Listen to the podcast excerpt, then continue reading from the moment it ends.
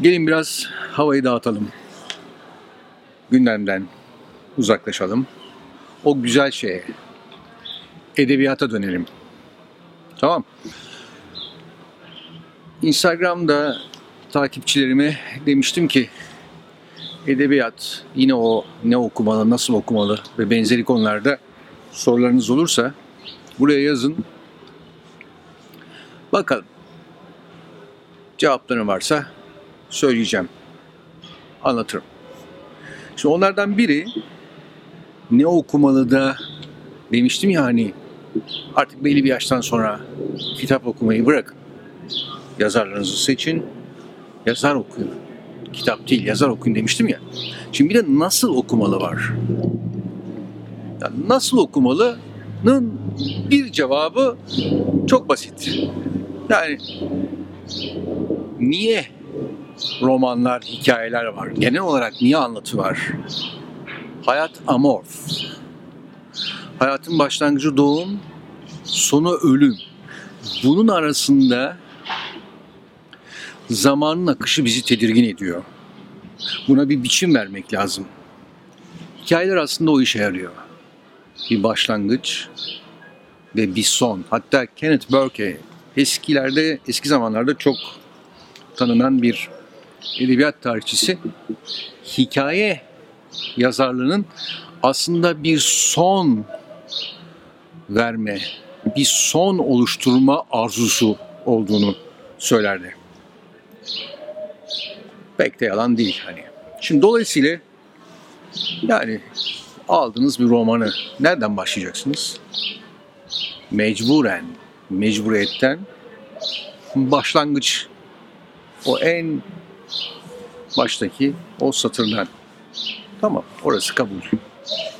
Ama fazlası var. Bazen başlarız ve ilerlemez. Kötü okur muyum falan deriz ya. Yok öyle bir şey. Bazı romanlar, bazı anlatılar üzerimize öyle yüklenirler ki gitmez. Mesela ben Kafka ile böyle sıkıntılar yaşamışımdır. Neden? Çünkü Kafka kadar sıkıldığım zamanlarda Kafka okumak işte o ciddi problemdir. Kafka, Kafka ve benzeri yazarlar okumak zaten tekrar okumalarda güzelliği ortaya çıkan bir şey onu da söyleyeyim. Ha bıraktık mı? Olabilir. Aradan zaman geçtikten sonra tekrar döner bir daha okuruz. Bir başka şey daha var. Bir başka şey daha var. Hep söylüyorum ya, sevdiğimiz kitapları bir kez okumak çok büyük haksızlık.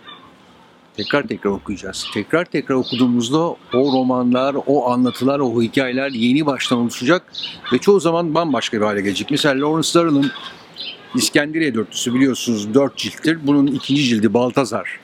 İlk okuduğum Baltazar'la sonra oku, okuduklarım arasında çok derin bir fark var. Çok derin bir fark var. Öyle böyle değil. Galiba ben Baltazar'ı hatta hatta Clea Montolive de öyle.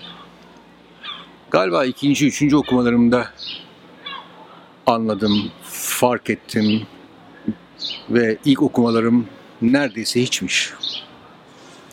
Aynı şey şimdiki romanlarıyla hiç aramın uyuşmadığı ama bence modern Türk Edebiyatı'nın yazarlarına olan Mehmet Eroğlu'nun yarım kalan yürüyüşü içinde geçerli. İkinci okumamda yarım kalan yürüyüşün bir başyapıt olduğunu anladım. Yani bu da var. Tekrar tekrar okuyacağız. Şimdi bakın mesela bu Daniel Penak'ın roman gibisini ben çok severim. Kitaplara ve okumaya dair okuduğum en iyi denemelerden biridir. Kitap okurunun haklarını anlatır ve mesela tekrar okuma hakkından söz eder. Aynen okurken yarım bırakma hakkı gibi bir şeydir bu. E, tekrar okuma hakkında diyor ki çok güzel bir söz. Tekrar okumak aslında tekrar buluşmaktır. Tekrar buluşmaların hazzı vardır. Doğru. Fakat bir şey daha var. Daniel Penak'ın esas söylediği. Tamamen katılıyorum. Bir noktadan sonra edebiyat sevdiğimiz romanlar, sevdiğimiz hikayeler, sevdiğimiz denemeler hepsi için geçerli bir şeyler var. Böyle ufak ufak çöplenme dediğimiz şey hani. Ona da çöplenme hakkı diyor. Çöpleniyorum, çöpleniyoruz. Bırakalım çöplensinler. Ne bu çöplenmek? Yani aralardan hani fal tutar gibi açıp bakmak ya da altını çizilmiş satırlara yeniden bakmak. Yeniden, yeniden, yeniden bakmak. Ama Daniel Pennak meselenin özünü çok güzel anlatıyor. Venedik'te bir hafta geçirmeye ne vaktimiz ne de imkanımız varsa 5 dakika orada bulunma hakkını kendimizden niye esirgeyelim? Evet. Mesela bir kitap biliyoruz içinde Venedik'ten söz edilen yer bizi çok çarpıyor. 5 dakikada Venedik'te oluyoruz. Kaçar mı bu ya? Şimdilik bu kadar. Başka sorular da var. Tolstoy mu, Dostoyevski mi falan filan o meşhur sorular. Onlara da bir başka videoda cevap vereceğim.